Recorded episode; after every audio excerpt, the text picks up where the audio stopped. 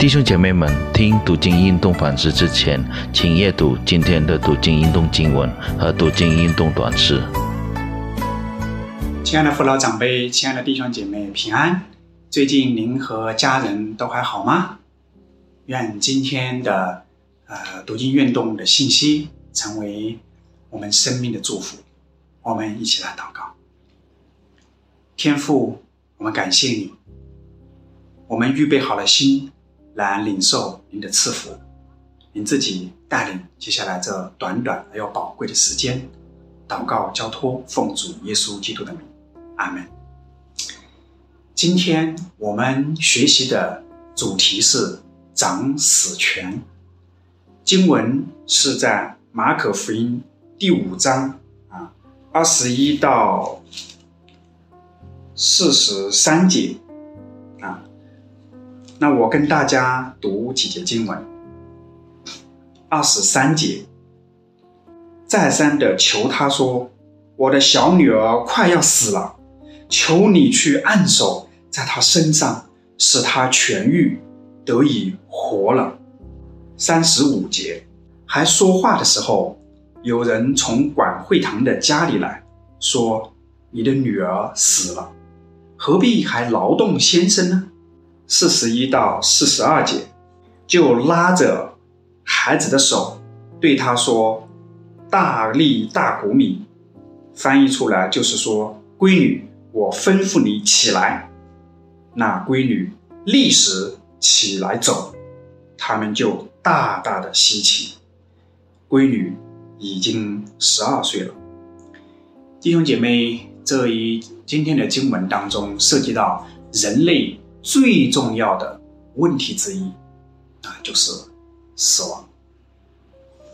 死亡啊，特别在华人的文化里面，大家都知道是一个令人。避讳忌讳的话题，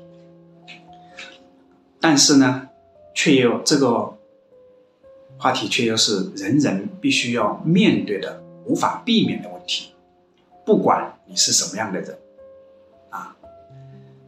而且死亡啊，有可能是天灾、人祸，或者是疾病，啊，哪怕不是这些，是自然。死死亡，我们也发现，我们每个人都没有办法幸免，所以死亡往往是令人啊担心、害怕，甚至是恐惧，也令人伤心。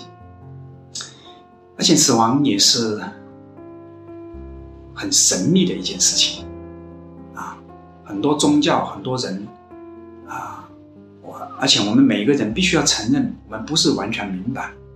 死亡之后到底是怎么一回事？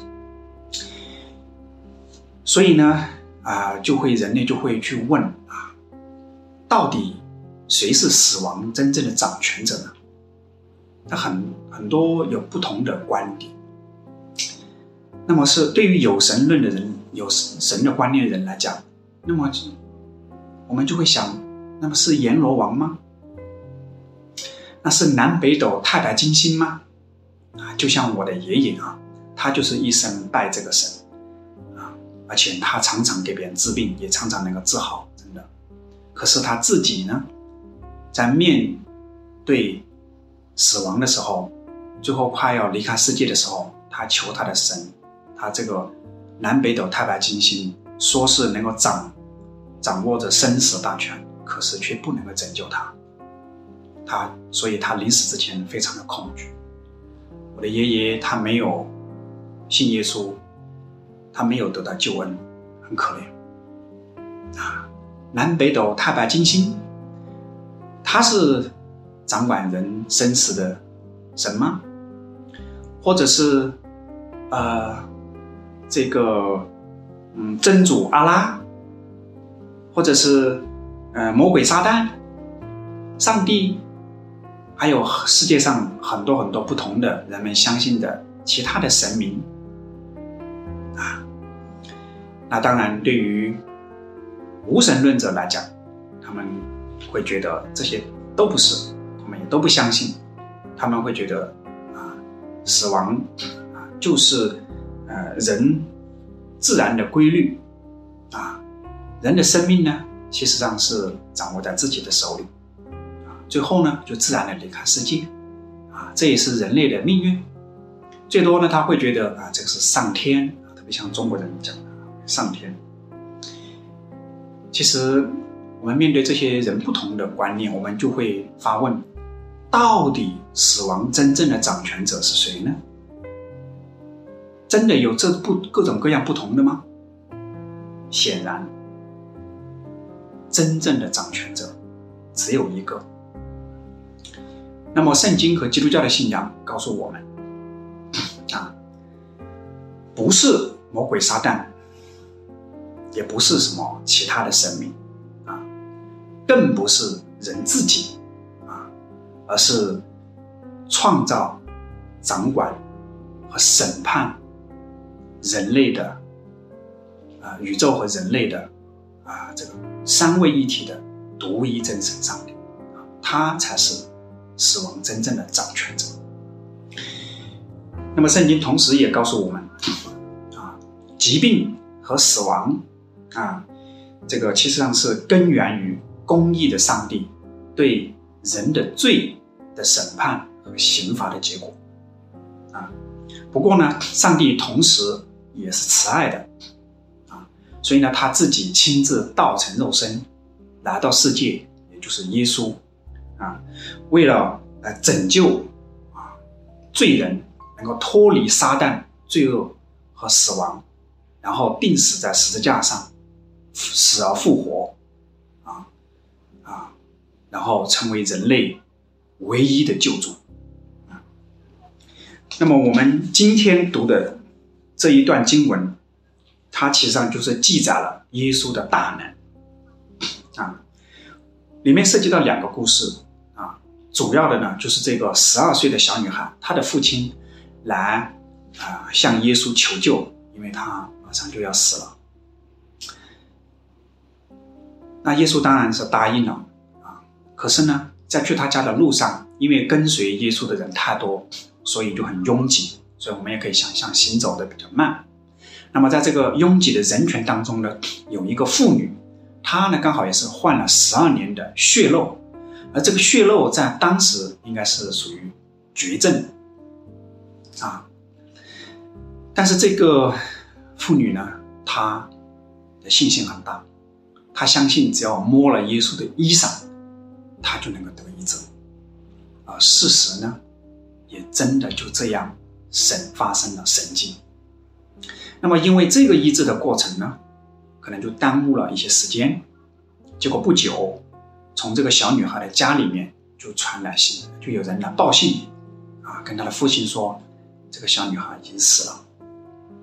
不必再麻烦耶稣了。那么在这种情况下，我们可以想象他的父亲肯定是啊很失望、难过。但是耶稣安慰他，不要怕，只要信。然后跟这这个父亲来到他的家里，看到这个小女孩房间里面有很多人在那里哭、那里闹，很乱。然后耶稣就跟他们讲。这个小女孩只不过是睡着了。当然，对于这些人来讲，他们就会觉得这个是天方夜谭，所以他们就讥笑耶稣。那耶稣就把这些讥笑他的人、哭闹的人都赶出去，只留下啊他的家人啊，然后和耶稣自己的三个门徒。然后耶稣怎么样做呢？他既然是睡着了，那他怎么做呢？他很简单。他只不过是说：“闺女，起来，就这么简单。”然后这个小女孩立马就复活起来行走。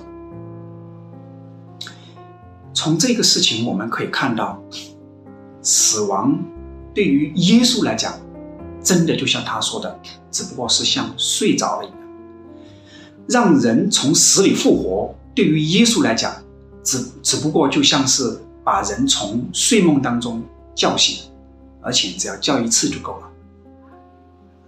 所以这一个故事里面的两个神迹，一个是绝症得医治，一个是小女孩的从死里复活，让我们清楚的看见，耶稣就是这一位掌管啊人生死的这个啊啊上帝。啊，他有这样的大能，他确实是生命的主宰。啊，而历史事实也证明了他就是这个人类生命的主。他来到世界，也就是为了让人病得医治，罪得赦免，让人从死里复活，啊！而且他自己也为人的罪钉死在十字架上，然后从死里复活，以至于他能够真正啊，从撒旦的手中彻底的掌握人类死亡的权利。那么如如今呢，他已经复活升天。将来他还要再来，要审判啊，全人类每一个人，让一切信他的人能够复活得永生，而不信他的人呢，会复活下地。那么面对这样一位掌掌管死亡权柄的啊，耶稣，这一位上帝。我们人应该怎样回应呢？显然，首先最重要的，我们就是要去相信和接受耶稣作为我们灵魂的救主和生命的主。然后，在我们有生之年，我们要靠着他来坦然的面对一切的疾病和死亡啊，因为啊，生死都在他的手中。我们因着这样的信心，就能够呃持守啊复活的盼望，永生的盼望啊，因为我们知道生死都在他的手中啊，活的时候能够有主赐福带领我们，死了之后也只不过是会跟主永远在一起享福。求主能够赐福和保守我们这样的信心和盼望。我们一起祷告，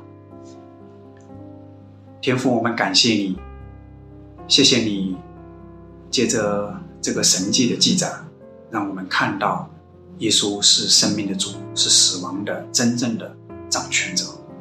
我们人生当中能够认识、接受和信靠这一位主宰，是我们何等大的福分！求你能够来借着。你的真理坚固我们每一个人，使我们信靠持续的信靠你，以至于我们能够面对人生当中一切的疾病，甚至是死亡，从而预备我们将来在永生当中与天父、与主永远在一起。感谢你赐福带领我们每一位，将祷告交托奉主耶稣的名，阿门。